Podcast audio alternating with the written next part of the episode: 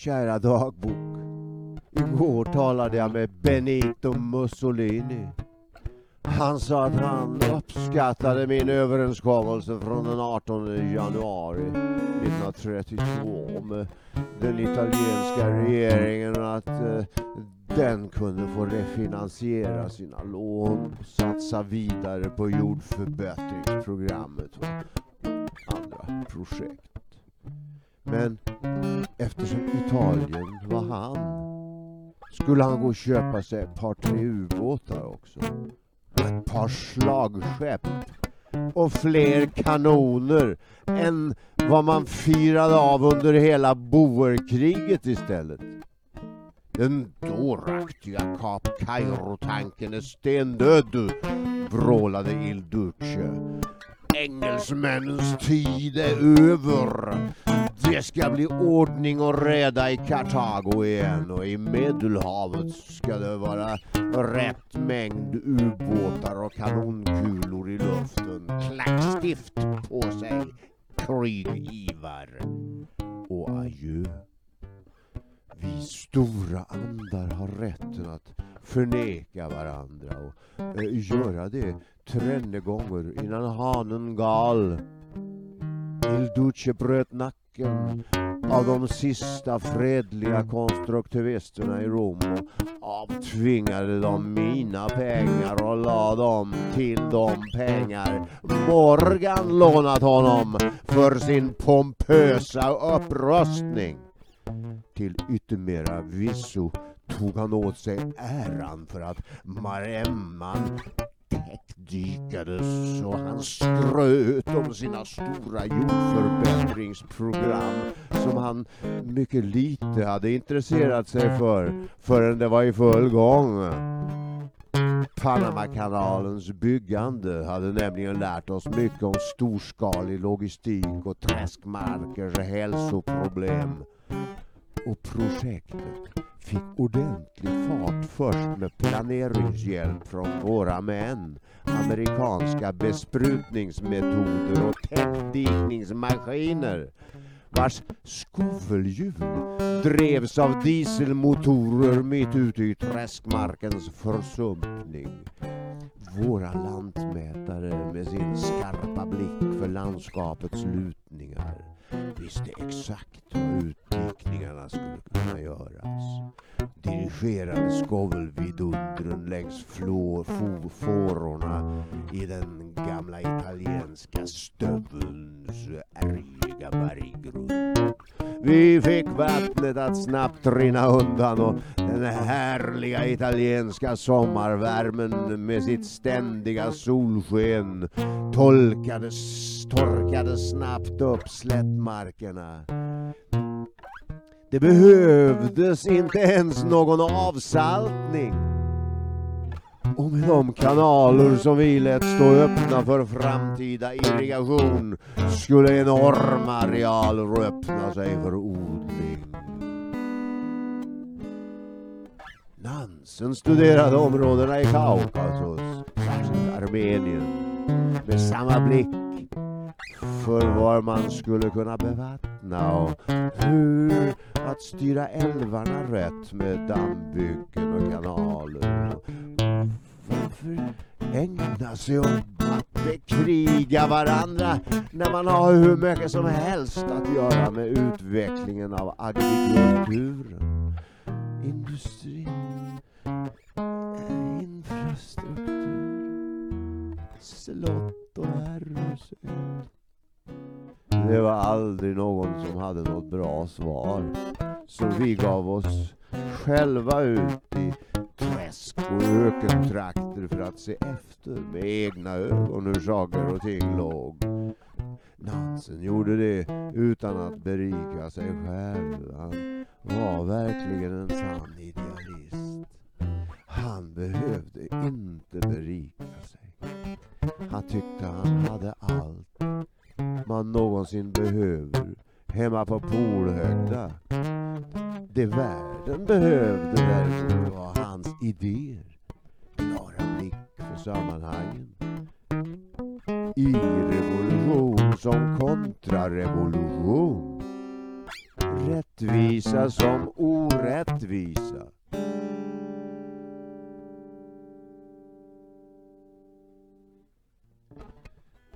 Den krigiska orättvisa som Il Duce visade prov på var lättvindig och närmast anmodad av våra egna. Det var många som närmast tvingades att förneka att de hade skulder till vår koncern som tvångsmatade gäss. Vi hade fört över 70 miljoner via Paris och lika mycket via London. Och Mosconis mustasch hade lyfts i djup tillfredsställelse. Finansministeriet beordrade att det skulle utfärdas en serie obligationer i koncept som när alla detaljer var justerade skulle bli till statsobligationer för att transaktionen skulle ses, se ut som en inländsk skuld. Något som innebar att man inte behövde inhämta parlamentets tillstånd. Såg jag till att ett italienskt bolag, AFA, bildades med en styrelse bestående av mina allierade. Detta bolag behärskade 100 procent av den italienska tändsticksindustrin och kunde diskret vidareföra de 140 miljonerna dollarna till finansministeriet. Detta var transaktioner omgärdade och maskerade bakom monopolavtalets komplicerade juridiska ridåer. När det svenska justitierådet Helder, Johannes Helder, sedan kom till Il Duce med en underdånig förfrågan om den italienska staten, som ju var Il Duce själv, hade lånat några dollar av Kriegerkoncernen fick han ett förbindligt men blankt nej av byråkraterna och ett flat skratt av Il Duce. Hellner åkte hem till den svenska regeringen med beskedet att jag var en bluffmakare och förfalskare som... Vilket kurage, kära dagbok. Vilket kurage. Man fann det fullt i sin ordning att fästa tilltro till en fullblodsfascist.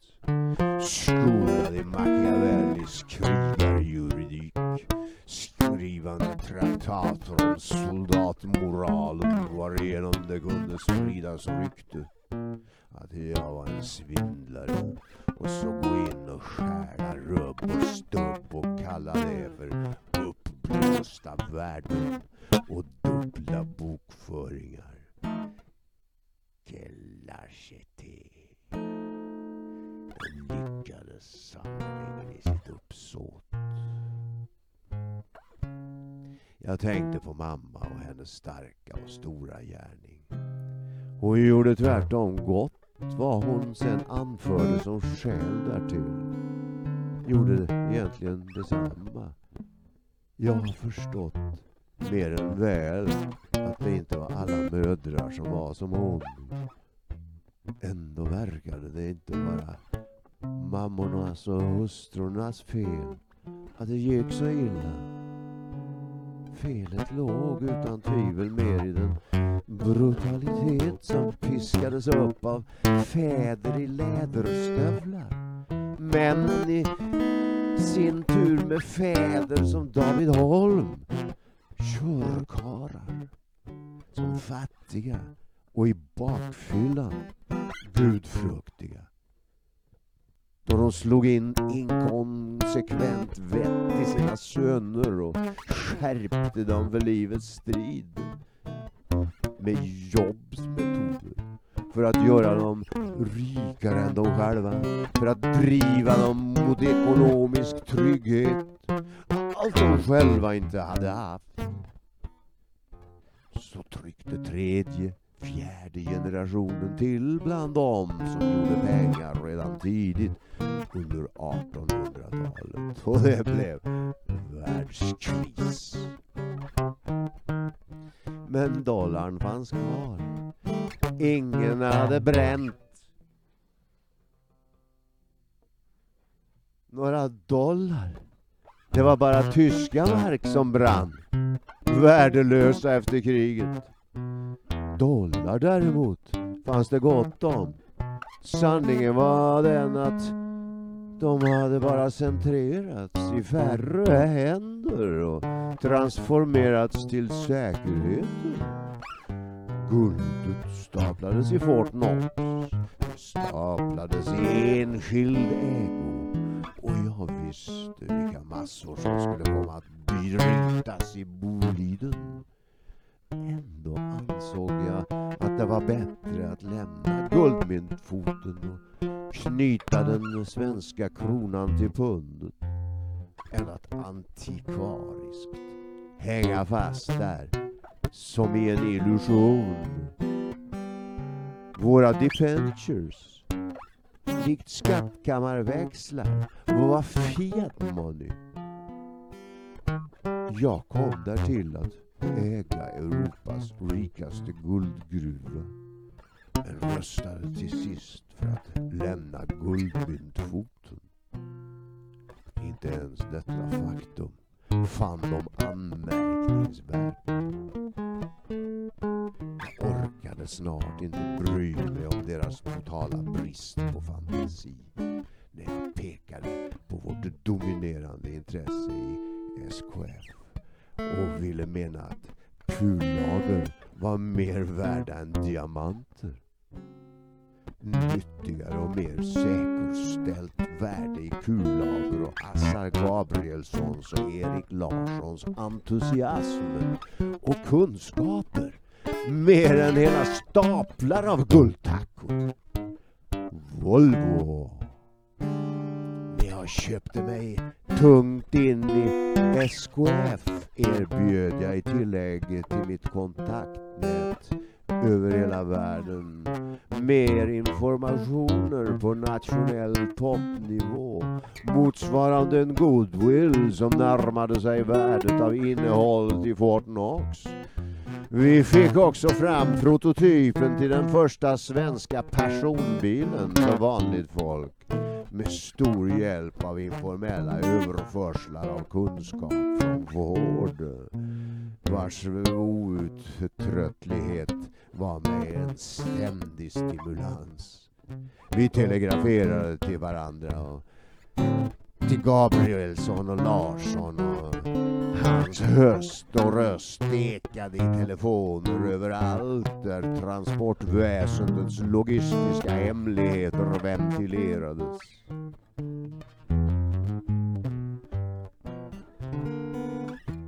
Väg och vatteningenjörerna över hela världen var i dialog med fåglar. Det ekade in i noshörningshornet. Mm. Jag menar hjärnan. Eh, har jag ett noshörningshorn körd genom hjärnan? Eh, jag hade visserligen varnats.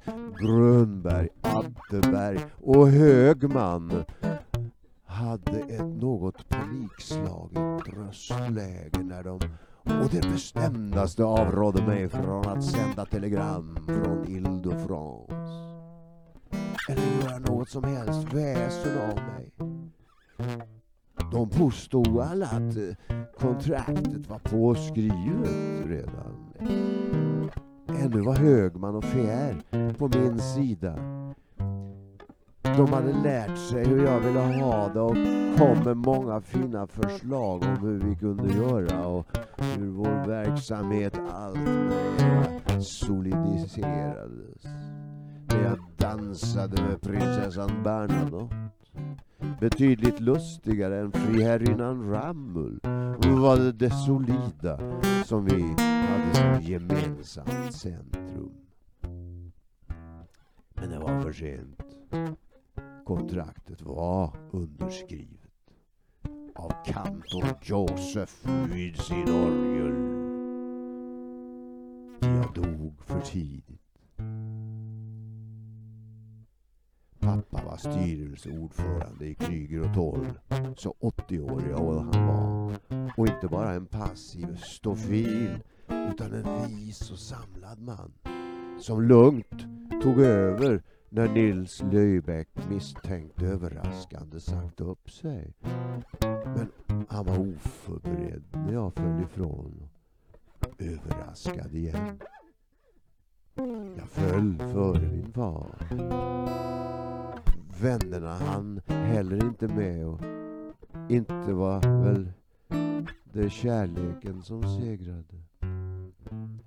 I så fall är kärleken också katastrofal och blodet strömmar kring dess bår. Eldar och undergång.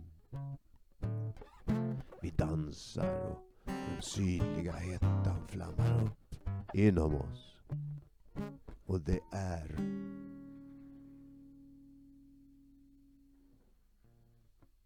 Rembetiko, Chardas.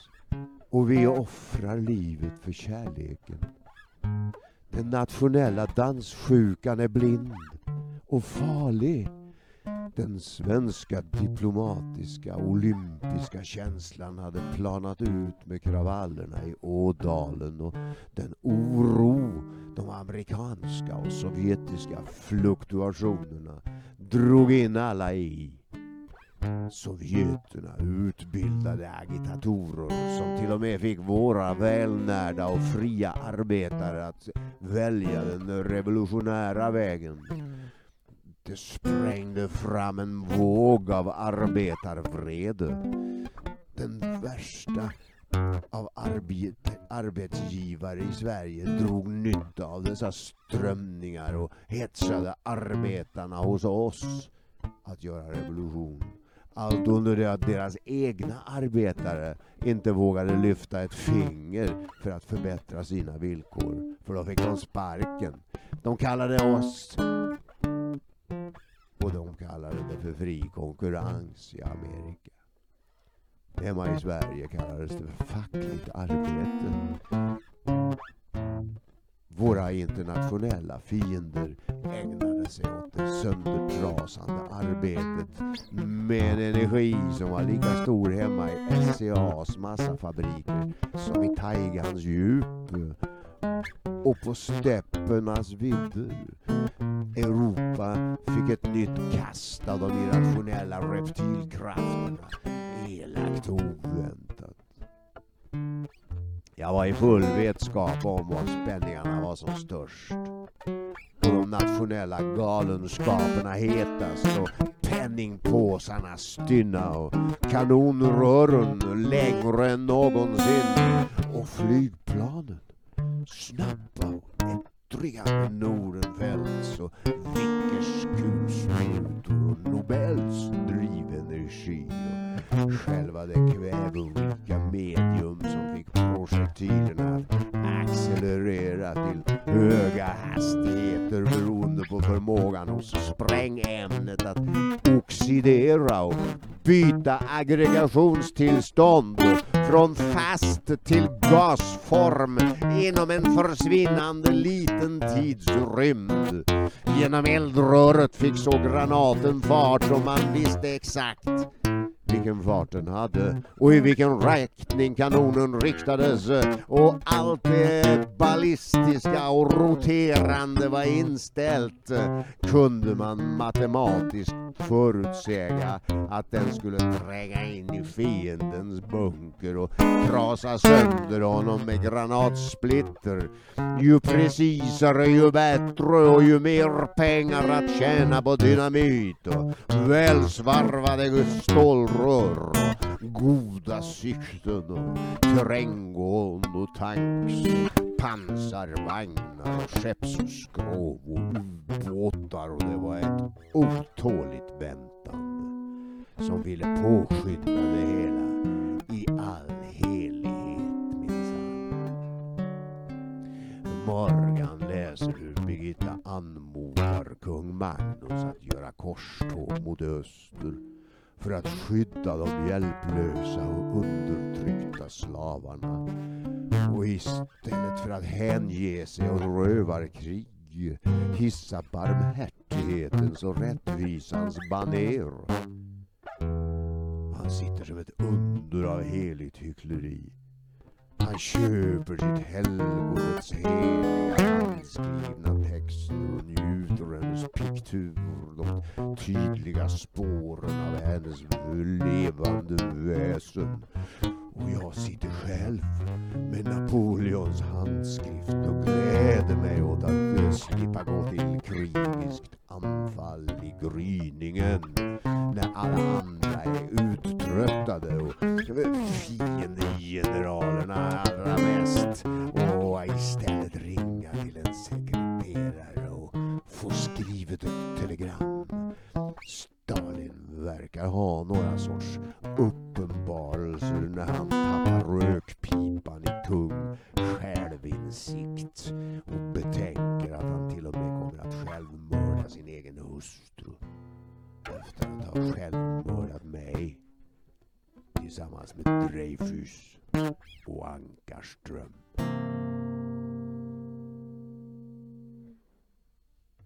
Aj, aj, aj. Där stinger en pil av mistel. Avlossad av någon blind stackare. Jag har uppenbarelsen att jag är död. Men jag är ju levande och bara väntar på att slippa umgås med de eldsprutande drakarna och istället få umgås lite med konstnärerna och ha skapande resonemang med uppfinnarna i sina laboratorier och framförallt vara nära Ines. Men hon får gärna ha ett långt liv först.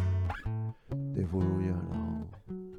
Jag blir inte ledsen på henne om hon förnekar mig heller. Det finns inget annat att göra när orättfärdighetens storm rasar. Men det blir snart frid över Helsinkis och hela Österbottens skärgård. Jag tror hon kommer att få segla länge i Finska viken. Och jag hoppas att broder Torsten kommer att hälsa henne allt gott från mig när han kommer seglande förbi i mogen ålder när lärkan drillar i skyn och jag hoppas jag kan nästan inte se mer. En bågsträng tvinnad av en kvinnas långa hår. Jag vill inte se mer. Tänk att de släppte fram noshörningarna i alla fall. Skar rått van Dijk ur sin ram. De länsade mina våningar. De visade sig ju redan 1929 och jag pekade ut dem alla och det rådde inte någon tvekan egentligen om hur intressena fördelade sig. Där fanns ju alltid långsiktiga planer och mer kortsiktiga planer. Det fanns ett fåtal verkligt orädda politiker men de förstod för sent att jag lät i alla fall de som ville höra på. Då var ju rätt många veta min inställning att man mot frihet bara kan komma fredligt. Vad en Clausewitz och Machiavelli trumpetar ut över världen med sina respektive landsmän. Adolf Hitler och Il Duce. De som dyrkar Sun Tzu och den mer filosofiska krigstanken kan ju tyckas mer acceptabla men om man tar till kriget och revolutionen blir det snart nog en ny sorts ofrihet alltid förvärrad till sina karaktärsdrag. Lenin knäcker tsaren och hans familj och Stalin knäcker kulackerna och jag tror inte att något annat än deras själar har blivit fria i Ryssland. Vilka frigjorde kriget? Kriger och 12? STAB? Vi var ju fria redan innan frihetstiden var lång hemma i Sverige. Den slutade inte direkt med Gustav IIIs kupp utan fortsatte in i den upplysta despotin. Och Gustav III var den första monarken i världen som efter von Fersens insatser i frihetskriget erkände Amerikas förenta stater. Därmed visade han frihetsflagg. Den ledande gustavianen på hemmafronten, Johan Kristoffer Toll, var kungens närmaste man redan 1772 i stadsvälvningen. Ute på hans gods, Bäckaskog, var det hög aktivitet och arkitekterna, författarna och konstnärerna möttes i politikernas värdskap. På Bäckaskog var man helt överens. Slaveri var omänskligt och helt oacceptabelt.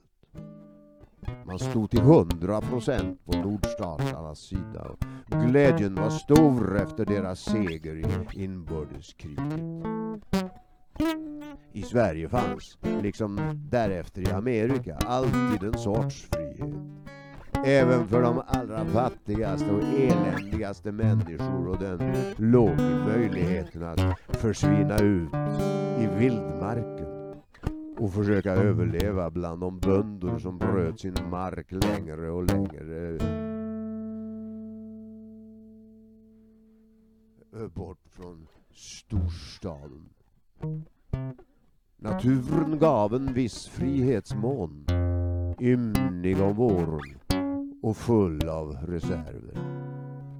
Där slaveriet var förbjudet kunde Lasse-Maja och Doc Halliday klara sig undan med andra mer eller mindre hyggliga stråtrövare. Där var indianerna, inuiterna, samerna och en lång räcka andra naturfolk som fick känna av rekylen av slaveriets avskaffande. Rödrockarna hade direktiven hemifrån London att hålla kolonialisterna i strama tyglar och inte låta dem hur som helst jaga rödskinnen i Stilla havet. Men rekylen kom och inbördeskriget och the vanishing race öde var beseglat. Det var ju det som kanske var frihetens djupast liggande problematik. Bland frihetens förtrupper var det konstnärer och förbrytare som bröt lagar och överskred gränser varenda dag. De drevs längre och längre ut mot the wild west av en hybris både av kunnande och okunnighet naturlig kunnighet lika med slughet. Hur många av mina affärsbekanta var inte totalt obildade men ändå mycket rika. De hade något som de bästa läshuvudena oftast saknade. Förutom rävslugheten, förutseende naturlig förmåga att dra ekonomiska slutsatser. De var dessutom helt okänsliga för andras lidande. En ekonomisk slutsats tog sitt avstamp i att det sedan 1809 har varit fred hemma i hemlandet innanför eh, sina bernadottiska vallgravar med Grevetolls konsolidering och militära försvar av Skåne. Nedslagna kravaller i Klågerup och på den allra sista tiden i Ådalen. Medlöperi, sammanbiten flit och dansbanedans. Det vackraste jag vet, näst Ines, är Sverige. Utloppen, skärgårdarna, sjöstränderna, Kalmar, Vadstena, Visby, fjordar, vikar, fjärdar och sund. Kära Sverige. Må du inte malas ner av Fenja och Menja på länge än. Tack för att jag fått vara ute på stora västgötaslätterna och vid dina högskolor och universitet.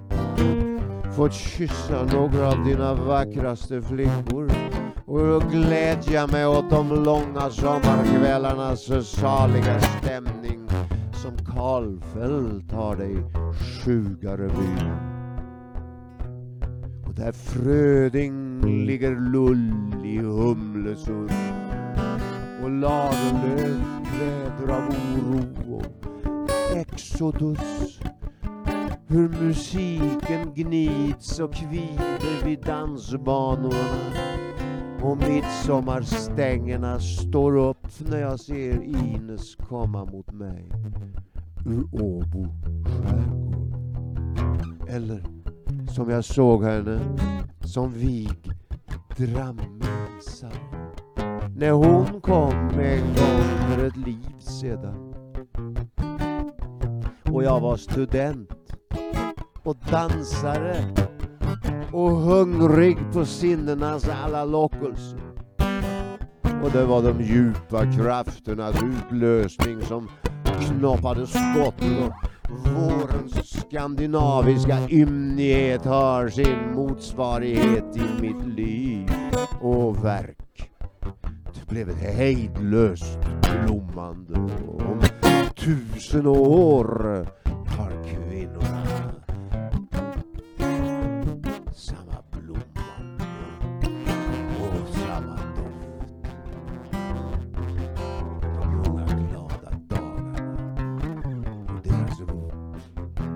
kommer att klinga in i veropens körer. Och där kommer oväntade stötar av lycka och oväntade stötar av magma, eld och död. Visst vet du allt om detta Herrenbergs ingenjör Swedenborg och allt om Bolidengruvans arsenikhalt. Ja, visst vet jag det. Fråga den där moderne och intelligente allvetaren här, Faust själv, han som profeterade det nya riket, så ska du få veta att det kommer nya makthavare och nya förgiftningsmoden och nya biokemiska kunskaper och nya tider. Och det är inte alltid lätt att få finnas kvar ens som modell för en humanistisk kapitalism baserad på platonska självklarheter som Sokrates hade i sitt försvarstal och jungianska insikter om eh, den moderna människans vilsenhet i sig själv. Vi måste alltid veta hur lite vi vet. Detta att veta om man lever eller om man är död är ju viktigt nog. Men att också veta vad man ska göra för att eh, göra världen lite bättre är viktigt. Kanske det allra viktigaste. Och jag somnar bort och hör bruset utanför av trafik och snart kommer ambassadpersonal och en odling. Hans kollega, ministern själv, Ehrensvärd det närmast sörjande här i Paris kommer sättande och kanske kommer de att tro någonting om hur det här har gått till. Hur har det gått till? Vem har lagt den där boken på nattduksbordet? Det heligaste ägodelarna i svensk översättning från ryskan har Ehrenburg några historiska missioner här? Man behagar skämta 12 mars med mig. Vilken skämtare har lagt den där? Jag läste den ju redan när den kom ut för ett år sedan och irriterade mig på hur han la fram min personlighet som en iskall och socialt valhänt individ. Han hade punsat mig över samma kapitalistmodell som han satte sina anti, antihjältar från han fanns samma bakomliggande iskylan när jag fattade beslut som gagnade fredens sak som när de som skodde sig på destruktion och recession fattade sina. I nihilismen fanns inga fåfängliga skillnader. När hungern och arbetslösheten blir dramatisk måste alltid något ske. Jo, pang. Någon kastade första spjutet. Men jag hade fångat det spjut i luften som kastades mot oss den 24 oktober 1929. Och det som gjorde dem mest häpna var att jag inte slungade det tillbaks utan att jag stötte det i marken och planterade rosor istället.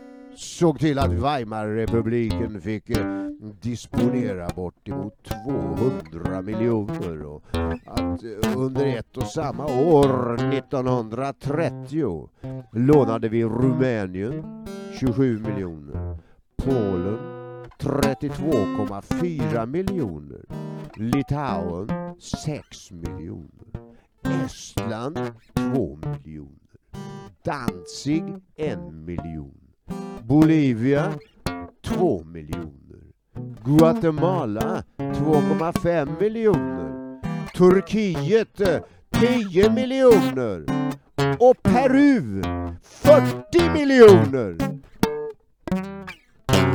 Det var våra papper som höll sig längst.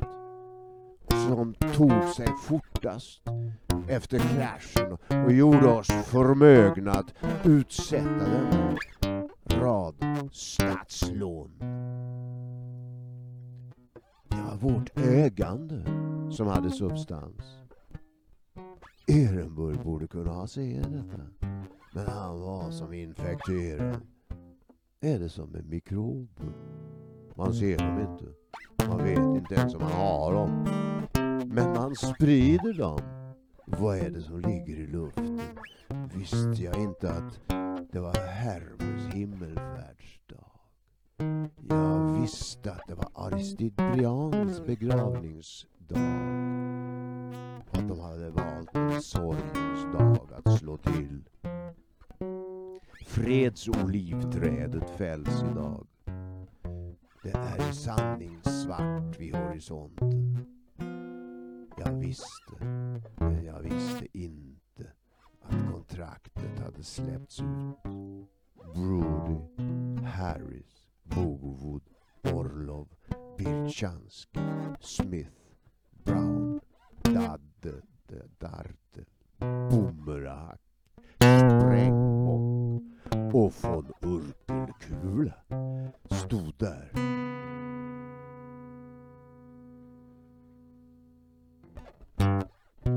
Som ett avantgarde i det äldsta av manliga yrken. De skulle tillsammans ta mitt liv. Agenterna som visste priset på mitt huvud. Som var satt högt, allt för högt för att gå obemärkt förbi. Mademoiselle Parot smög förbi. Madame Vernon och ruvade på någon hemsk hemlighet. Och i Sandfallbacken viskade man sanningen om Dreyfus hantlangare. Väloljade samarbeten med agenterna från Ljubljanka. Dreyfus lät bankirerna Desperion och Barrault bära hundhuvudet i blankningsskandalerna och jag visste att jag i Sänens vatten såg en krympling, ett beläte, en dvärg som steg upp bakom mig och höjde en dolk. Inte var jag Marat i sitt badkar och inte var jag mörk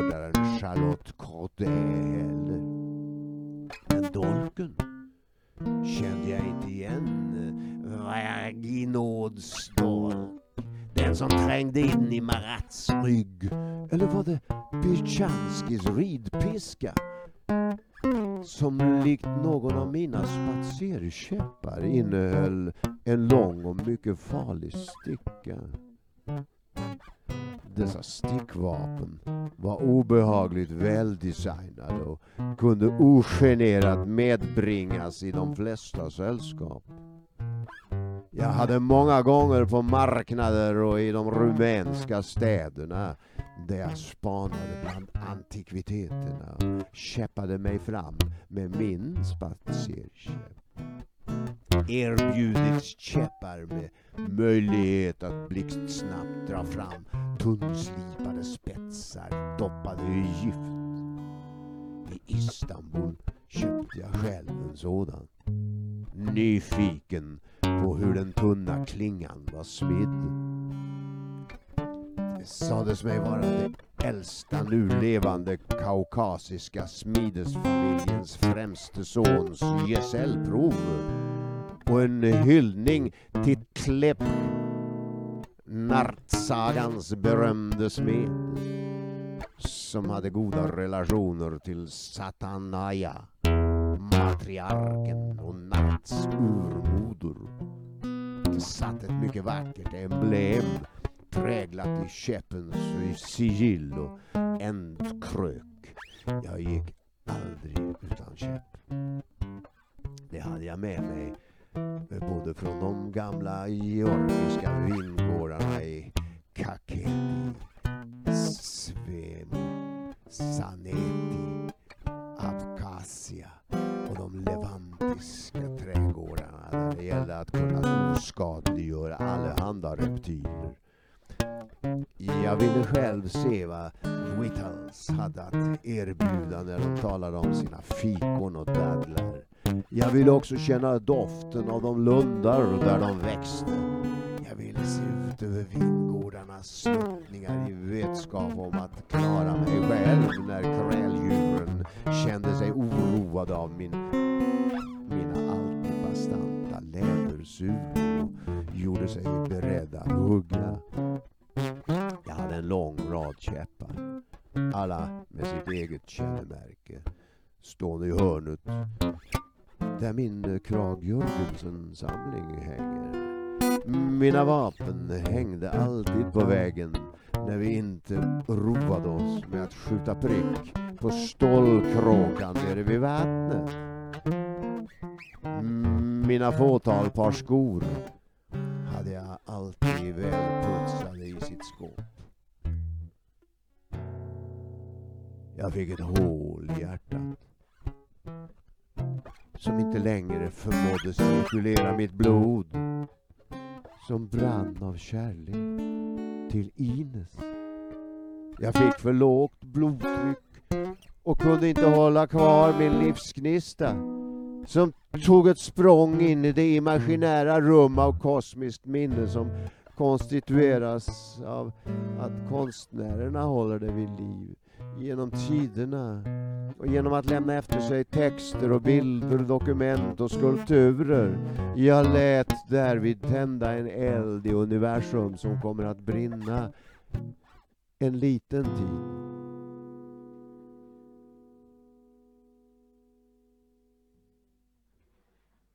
Det brann en eld av blommande blommor och jag gjorde det så enkelt och behagfullt omkring mig som möjligt. Även om jag drogs mot det kaotiska och komplexa av pedagogiska och till sist humanitära skäl på samma sätt som doktor Munthe måste vara hos de sjuka. Han måste dra sig tillbaka till sitt Sankt Michele då och då för att vila, ladda upp, lyssna till fågelsången och vågornas brus efter sina insatser bland alla bakterierna och försöka att vårda Roms och Paris offer för farsoter och febrar. Det var inte bara fattiga människor som blev sjuka utan även de rika reds av pestilens. Munter var deras mest älskade doktor och färdades i ilfart mellan palatsen och slottsgemaken. Det var tröttande att omges av lidande, smärta och död var den än utspelade sig den mänskliga finalen. Själv drog jag mig tillbaka till mitt rosa badrum och vilade ut med en livsglad väninna. Jag skulle för övrigt mycket hellre ha velat konsultera doktor Munter än Dr. doktor Wheelwright jag råkade ut för i New York som var hovläkare åt folk nere på Jekyll Island och visste allt om JP Morgans hetsiga jakt på alla såväl gifta som ogifta kvinnor omkring sig.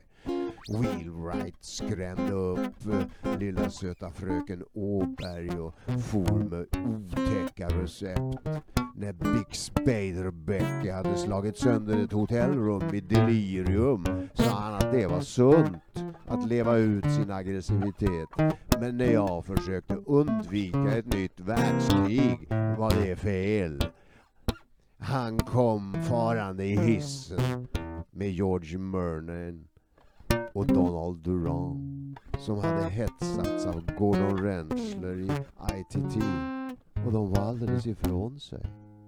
När Mr Kinlund och andra Park Avenue Cowboys kom med Morgans näsknäpp förstod jag ju att nu var krig med alla medel tillåtna. Det var bara Jordal och Aminoff som visste hur illa det stod till och att man gjorde allt för att blanda gift i mina drinkar. De skötte mig och passade på mig som vore jag ett barn. Hilda såg på med oro i sina snälla ögon. Jag ringde hundra samtal, jag ringde dygnet runt. Jag levde på yttersta gränsen för det möjliga. Jag fick stöd av familjen Drexel På Drexel Institute of Art, Science and Industry. Det var skönt. Jag hade stöd av Baruch och faktiskt av Warburg som förstått vad det blivit av oktoberrevolutionen och stödköpte våra debentures. Det var skönt att vinna och stå lugn efter segern. Jag hade lust att gå ut på vinterträdgårdens öppna rökterrass och fira av mitt nya praktvapen över Central Park. Men mössan bössan på sin plats. Man får lov att stå på Piazzale Michelangelo och se ut över Florens i solnedgången även om det stampar av stövlar på marsfältet i Rom. Komplexiteten minskar med gåvor och givmildhet. Det var lätt för mig att se och ge människor gåvor. Jag råkade sakna girighet. Samtidigt som jag kunde bli närmast skamligt rik. Jag gav ut med bägge händerna och fick ännu mer igen.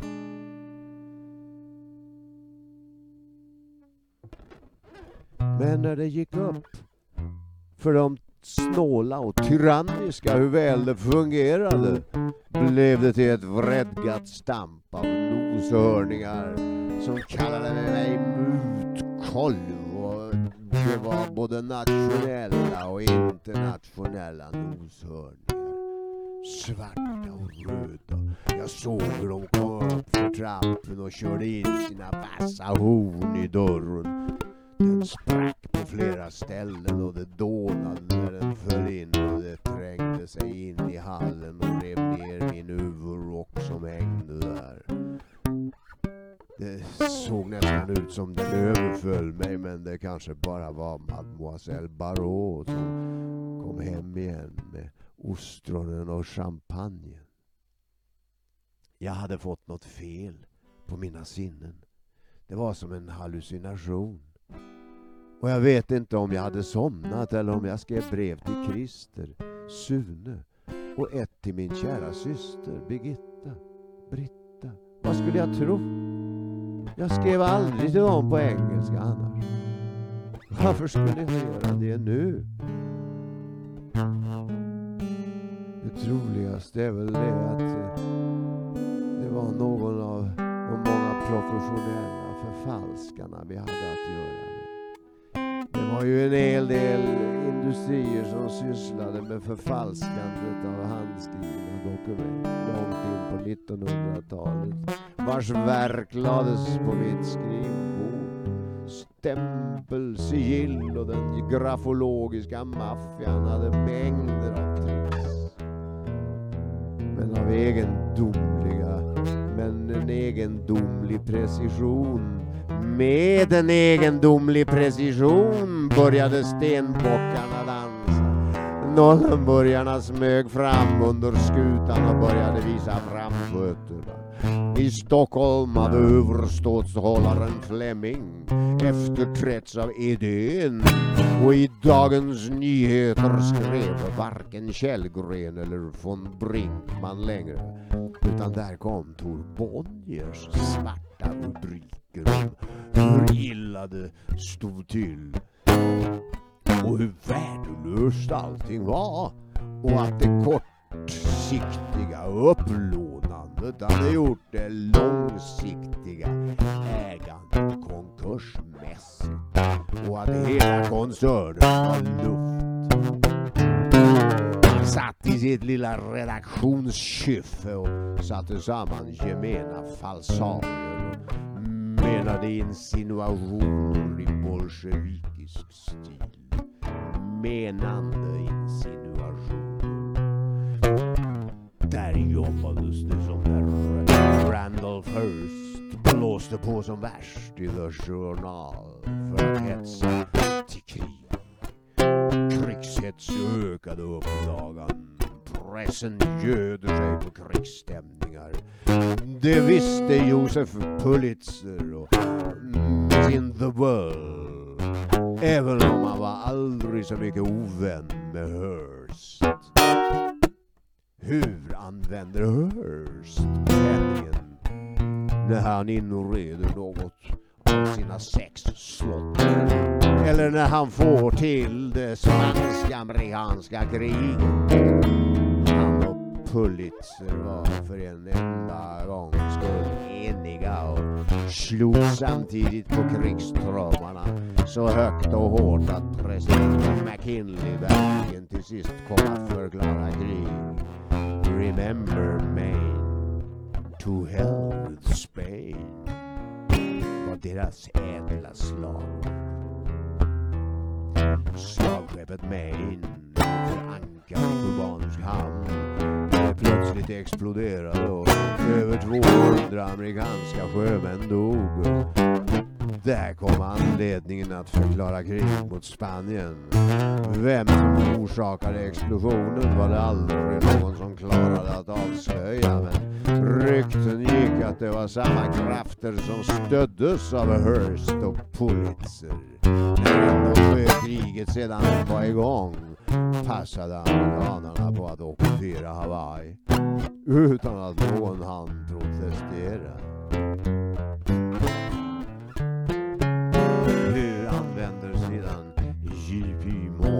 penningen när han slår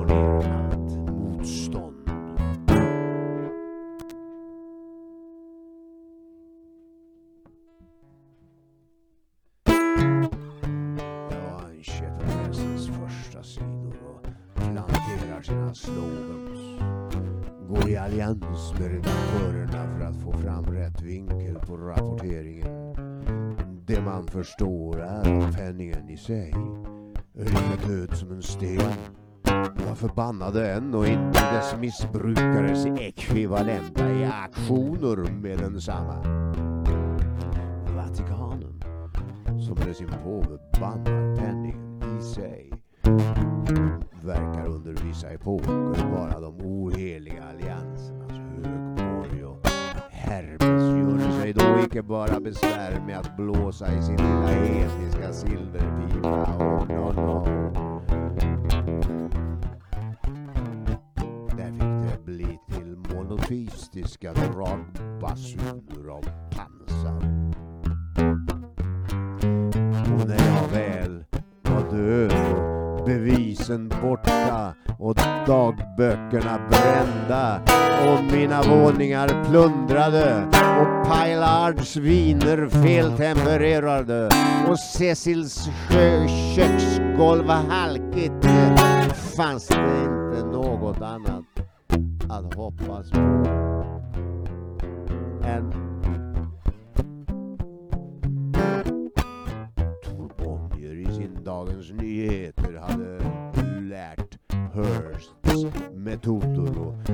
lyckades eh, i Sverige få sina bästa vänner och medarbetare att bryta ihop genom en inpiskande intensiv propaganda som inte lämnade någon någon ro. Det som var styrkan i koncernen blev dess svaghet. Min frånvaro betydde att också hela den uppsättning av rosor jag mödosamt fått att klänga på balustrader och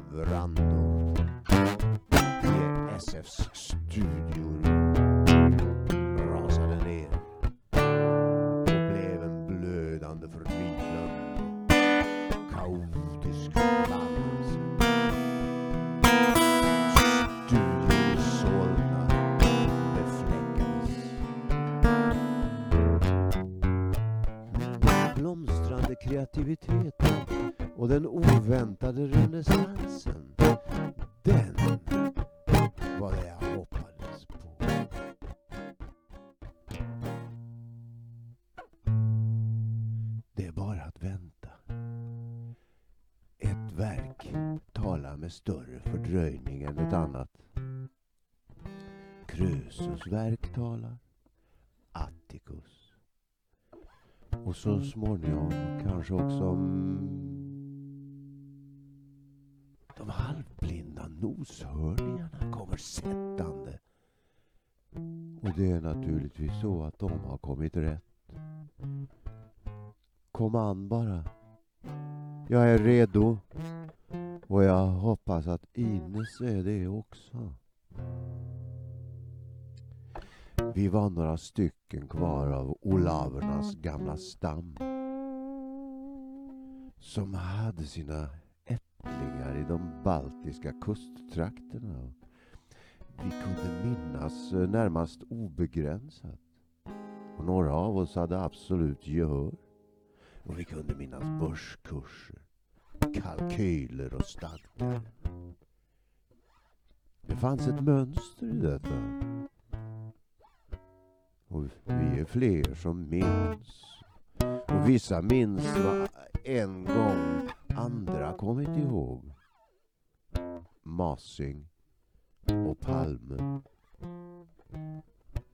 på östsidan och på västsidan av Östersjön eller efter Vasas oförsiktiga, närmast övermänskliga excesser.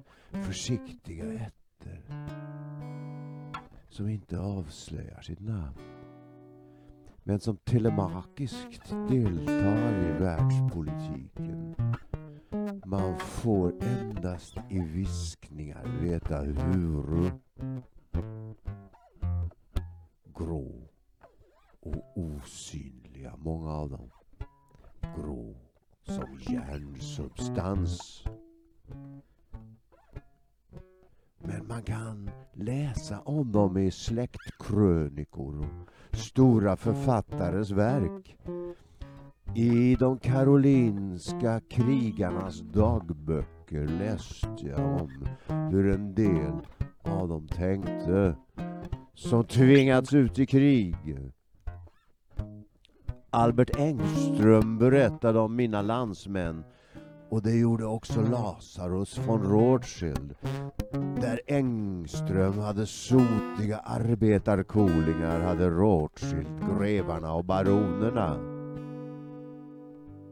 Vi är ett och det skiner en sol i det evigas rike och det är ärans sol.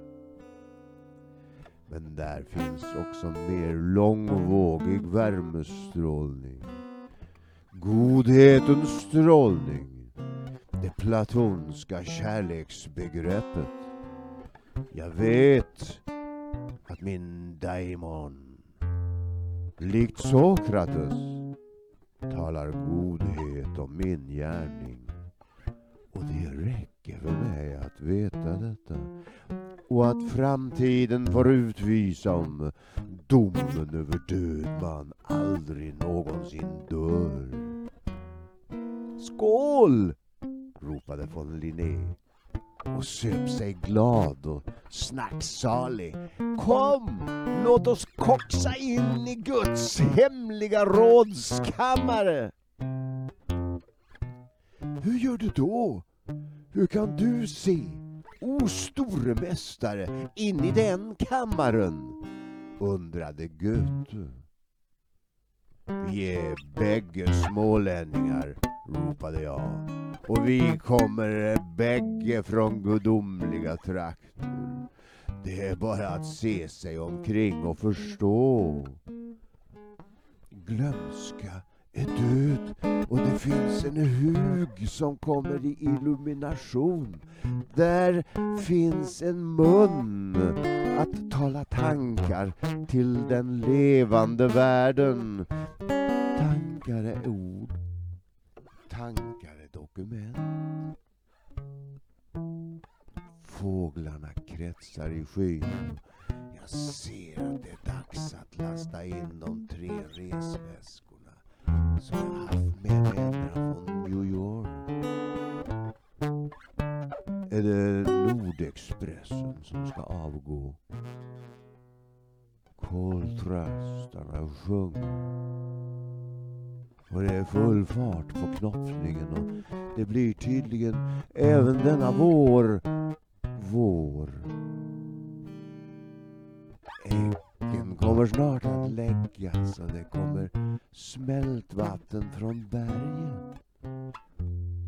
Och de såningsmän som har fått starka motorer på sina traktorer gör stora arbeten och befriar mänskligheten från slaveriet. Maskinen har stigit in i världen. Det blir bättre i världen. Men det blir också sämre. En kollision mellan det friska och unga både det gamla och sjuka.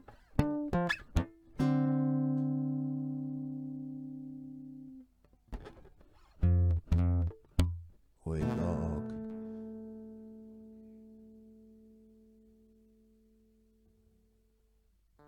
och det är precis som vanligt.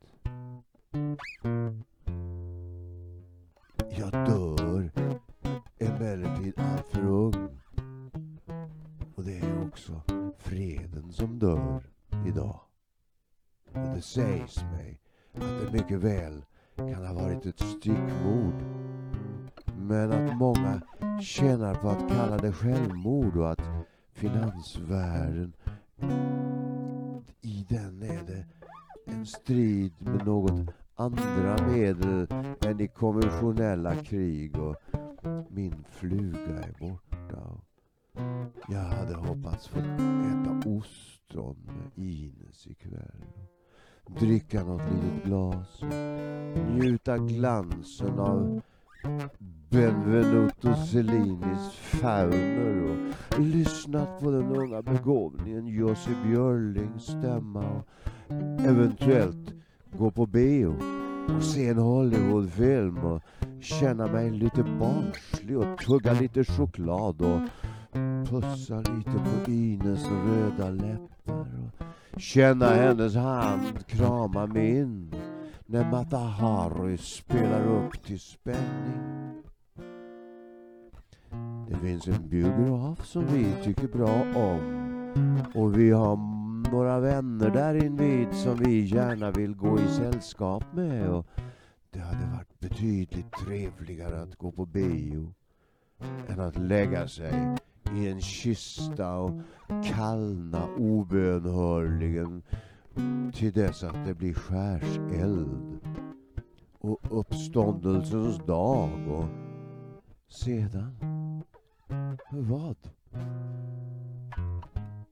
På Gud faders högra och vänstra sida fest och glam eller smärtan och skrien från slagfälten. Blodbad eller dans. Varför har du övergivit mig?